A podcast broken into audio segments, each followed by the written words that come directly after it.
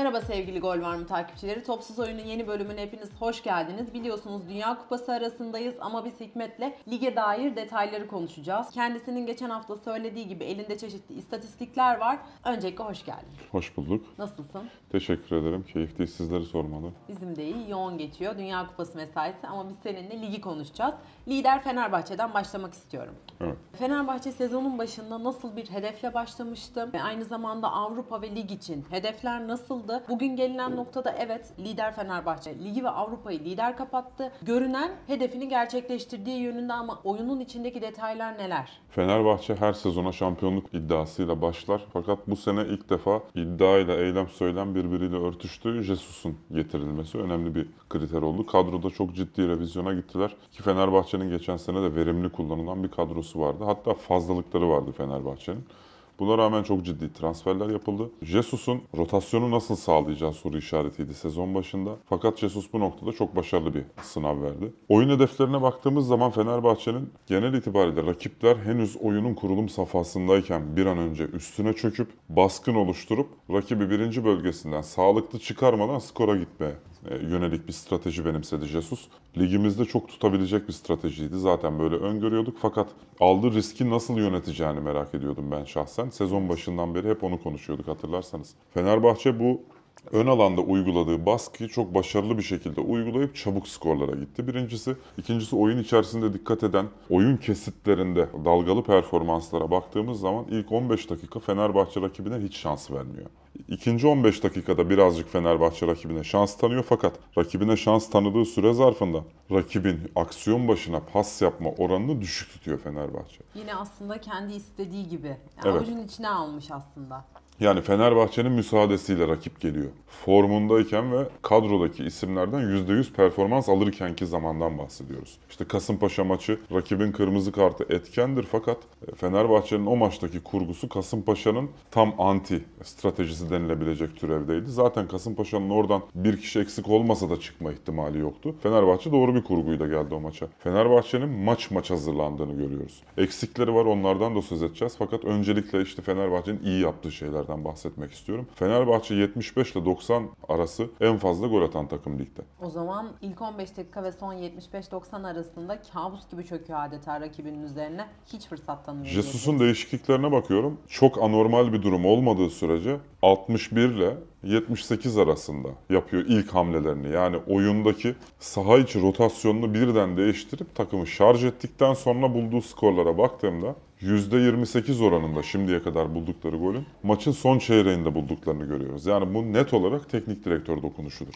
Kesinlikle. Şimdi maçları planlarken işte 15, 15, 15 gibi planlıyor teknik direktörler. Jesus oyun başlar başlamaz oyunu rakip yarı sahaya yığma taraftarı ya da rakibe birinci bölgede oyun kurmaya çalışma çabası. Birinci bölgede rakip oyunu enine yayamazsa bir şekilde Fenerbahçe öndeki kalabalığıyla onu alıyor. Şayet hasbelkader o top oradan çıkarsa, başarılı bir işte orta metrajlı pasla merkez orta sahaya atılırsa Bu sefer orta sahada. Burada süpürücü olan Arao öne çıkıyor. Stoperleri offside taktiği pozisyonuna getiriyor. Kanat özellikle iç oyuncular merkezi sıkıştırıyorlar. Burada tekrar ikinci bir Baskı. Pres mekanizması devreye giriyor. Bu birinci ve ikinci tuzağı aştıktan sonra Fenerbahçe'yi aşmak çok zor değil. Fakat şimdiye kadar bu bir ve ikinci bölgedeki tuzakları aşabilen Konya oldu. Net bir şekilde. Beşiktaş maçında bunu uygulayamadı çünkü Beşiktaş da Fenerbahçe'ye benzer bir kurguyla sahaya çıktı. Giresunspor maçı oldu. Adım adım Fenerbahçe'nin oyununun çözülmeye başlandığı süreçlerin köşe başları işte Konyaspor, Beşiktaş, Giresun maçları diyebiliriz. Çözülmeye müsait bir oyun demiştik. Hep konuşmuştuk ama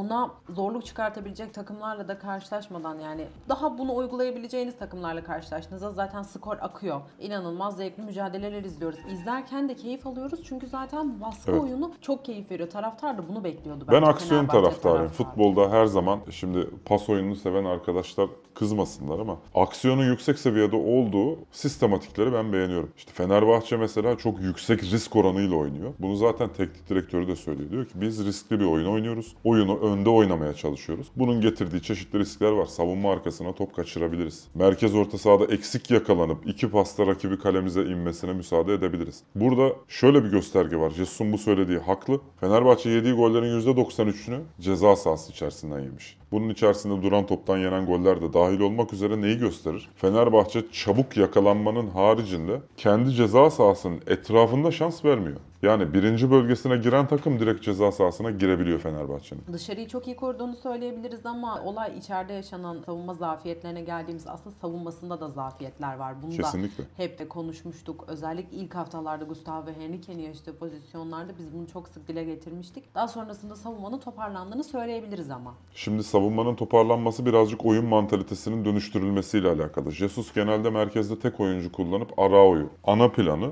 merkezi tek oyuncuyla kapatmaya yönelik önünde 3 tane oyuncu dizmek istiyor. Şu tarafa Fenerbahçe'nin dörtlü oynamaya çalıştığı asimetrik sistematiği çizmeye çalıştım. Bu tarafa da Fenerbahçe'nin üçlü oynadığında merkezi iki kişiyle kapattığı süreç. Jesus'un ana planı bu. Şuradaki oyuncu Arao. Arao ile arkadan süpürmeyi tercih ediyor. Önünde Zeiss ya da Crespo'yu oynatıyor. Forvet arkası gibi ama merkez orta saha. Şimdi herkes farklı farklı görevlerle sahada yer almış pozisyonda. İç oyuncularını kanada yakın türevde oyunculardan tercih ediyor mesela. Bu oyunu Fenerbahçe'nin akordeon gibi açıp kapatarak oynamaya dayalı bir altyapısı var Fenerbahçe'nin stratejisinde. Birinci bölgede oyunu genişletip işte stoperleri birini şurada birini şurada görüyorsunuz mesela. Daralıyor. Arao şuralara geliyor. Oyunu enini açıyorlar, merkezde daralıyorlar. Rakibi merkeze toplayıp ya da driplingle kenardan gelen oyuncularla rakibi ikinci bölgede açıp üçüncü bölgede daralıyor. Yani rakibi açtığı zaman dar tercihlerde bulunuyor. Rakibini daralttığı zaman oyunu açmaya çalışıyor. Tamamıyla rakibin savunmasını yönlendirmeye odaklı bir hücum sistematiği var. Bunu başarıyla uyguladılar. Giresunspor,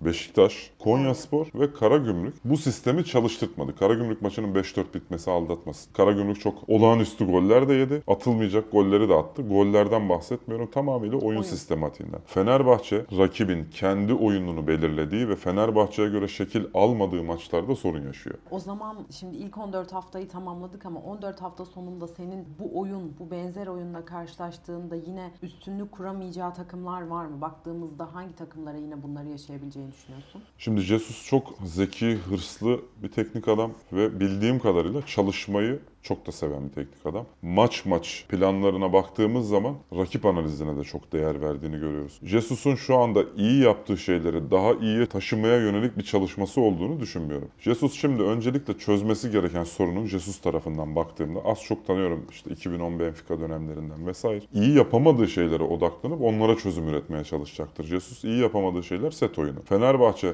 top rakipte iken ön alan baskısında başarılı olduğu hiçbir maçı kaybetmedi. Top rakipteyken ön alan baskısını rahat kıran rakiplerin hiçbirisini de rahatlıkla geçemedi. Ya duran top oldu ya penaltıdan attılar ya ekstra bir bireysel hatayla gol buldu vesaire. Yani Fenerbahçe'nin üçün, ikinci ve üçüncü bölgedeki yerleşik set oyununda problem olduğunu söyleyebiliriz. Fenerbahçe'nin atak başı aksiyonlarında yaptığı pas sayılarına baktığımızda çabuk bir şekilde kaleye inmeye çalışan bir Fenerbahçe görüyoruz. Şimdi Giresun'da neden sıkıntı yaşadı? Herkes kırmızı karta bağlıyor. Fakat biz Giresun maçından önceki Haftalarda da konuştuk. haftalarda da konuşuyorduk. Sivas'ta sıkıntı yaşar diyorduk, yaşadı. Sivas Spor'un oyuncu tercihleri o gün Fenerbahçe'ye maçı verdi diyebiliriz. Giresunspor'da da orta saha kurgusunun Fenerbahçe'nin eksik noktalarına temas edebileceğinden dolayı Giresun'un Fenerbahçe'ye zorluk çıkaracağını söylemiştim ben. Giresun nedense böyle rahat geçilecek bir takımmış gibi görünüyordu. Öyle görünüyordu ama. Ve çok şey yarattı mesela. Nasıl hani bu maç kaybedildi? İşte kırmızı karttan oldu. İşte öyle olmasaydı böyle olurdu Giresun falan. çok soğukkanlı oynadı. Ya oyuna çok iyi çalışmış bir takım ve çok iyi de çalıştırmış bir hoca vardı. Giresun'un sistematiği şuydu. Fenerbahçe kendi asimetrik kurgusundan dolayı benim oyunuma tesir etmek isteyecek. Kendi oyununu adam alan savunması dönüşümüyle sahada istikrarlı bir şekilde sürdürmesinden kaynaklanıyor. Hakan Hoca Fenerbahçe'nin asimetrik şekline göre sahada yer almış olsaydı Fenerbahçe'nin istediği oyunu istediği şekilde oynamak durumunda kalacaktı. Çünkü Fenerbahçe bu noktada dominant bir takım. Evet. Kötü oynadığı maçlarda da Ankara gücü maçında birazcık tepki aldık 3 tane attı Fenerbahçe diye ama Ankara gücü maçı sezonun en kötü maçıdır muhtemelen. Taktik, teknik ve oyun dominasyonu anlamında. O tip maçlarda kötü gittiğiniz süreçlerde kazanmak önemlidir. Fenerbahçe bunu kazandı şu anda. Yani oyununda işte çok uçan kaçan pozisyon söz konusu değil fakat Fenerbahçe bu maçı alabilir cümlesini rakibe de söylettiriyor. Jesus'un maç planlamasında ilk 60 dakika rakibi maksimum düzeyde yorup sıkça enine ve boyuna koşturduktan sonra 70. dakikadan sonra Oyuncu yaptığı oyuncu değişikliklerle vurmak var. Emre Mor'u almasının sebeplerinden bir tanesi, sonradan oyuna sokmasının sebeplerinden bir tanesi rakibin fizik koordinasyonu düştüğü noktada bireysel yeteneklere karşı bireysel hata inisiyatifi daha da artıyor. Bunu en fazla kullanabilecek oyuncu Emre Mor, Rossi gibi isimler. Topla olmadık noktada buluşup enteresan biçimde bireysel kabiliyetiyle alan boşaltıp rakip savunmayı hareket ettirecek ve üstüne %50'nin üstünde bireysel hata yaptırabilecek oyuncular kimler derseniz İrfan Can, Emre Mor, Rossi. Biraz da Crespo. Crespo arkadan bu oyuna katılma. O geç koşuları çok iyi yapan bir oyuncu. Daha sonra bunları oyuna alarak vurmayı planlıyor. Genel itibariyle bu tip oyuncular giriyor ve Fenerbahçe 75-90 arasında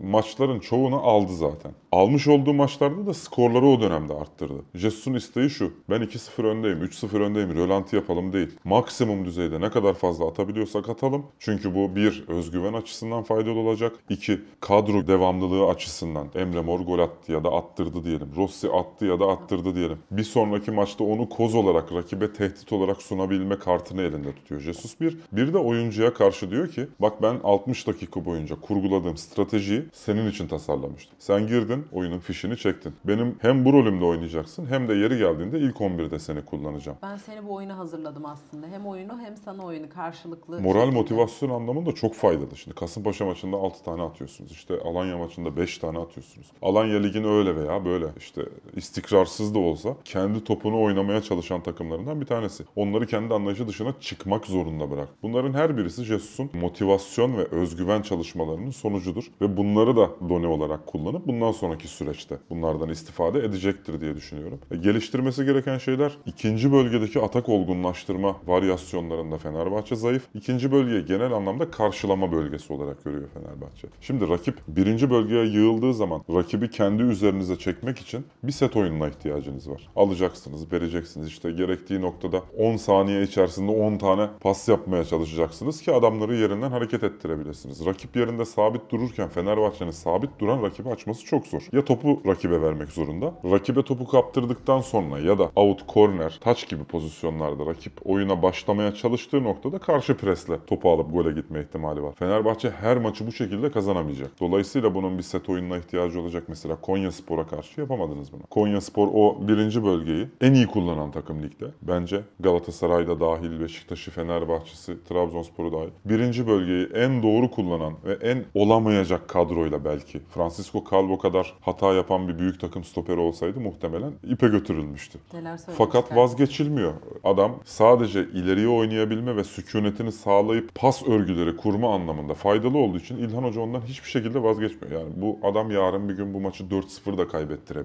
Ama oyunun temel parçası. O- Ondan oyunu onun vazgeç. üzerine kurmuş olduğu için vazgeçmek istemiyor. Hacı doğal Ahmet olarak. Oviç, Ahmet Oğuz, Gilerme bunların hiçbirisinden vazgeçmiyor İlhan Hoca. Sadece yorulurlarsa rotasyona sokuyor bunları. Sabit oyuncular hani kemik kadro ilk işte kim aklınıza gelir dediğimizde hakikaten benim de bu isimler aklıma geliyor. Konya Spor'la özdeşleşti Sehiç aynı sanki. şekilde. Evet. İşte buradan rahat çıkabilen takıma Fenerbahçe bir şey yapamadı. Muhtemelen ikinci yarıdaki en zorlu maçlarından bir tanesi de Konya Spor'un eğrisi devam ederse yine Fenerbahçe Konya Spor maçta olacak Fenerbahçe açısından. Konya Spor birinci bölgeye rahat çıktığında Fenerbahçe'yi esir aldı ikinci bölgede. Neden? Çünkü ikinci bölgeyi Fenerbahçe karşılama bölgesi olarak kullanıyor. İki planlı bir karşı atak planlaması var Fenerbahçe'nin. İki metrajlı diyelim. Bir, birinci bölge, rakip birinci bölgede baskıyı uygulayıp çabuk bir şekilde alıp gole gitmeye çalışma. İki, rakip birinci bölgeden rahat çıktıysa ikinci bölgede arkalı önünü sıkıştırıp orada kapma. Zaten bu ikisini yapamadıysa karşısındaki rakip sükunetini koruyan Giresun gibi ayağa pastan vazgeçmeyen, uzun vurmayan, sık sık devamlı savunma arkasına adam kaçırayım diye hababam uzun ileriye dikmeyen bütün takımlar Fenerbahçe'yi zorlar. O zaman bu ilerleyen haftalarda takımların oyun yapısına göre de değişecek bir şey. Çünkü genel olarak Fenerbahçe'nin rakibi de Fenerbahçe gibi bir plan ortaya koyduğunda dediğin senaryo olabilir. Bu senaryonun Avrupa maçlarının bazılarında yaşandığını görüyoruz. Ren toplu halde birlikte hareket etti. Sağa sola ileriye geriye. Hep birlikte hareket ettiler. Bloklar arası boşluklar vermediler. Çıkarken de top kaptırmadılar. Fenerbahçe yarım devrede 3 tane yedi.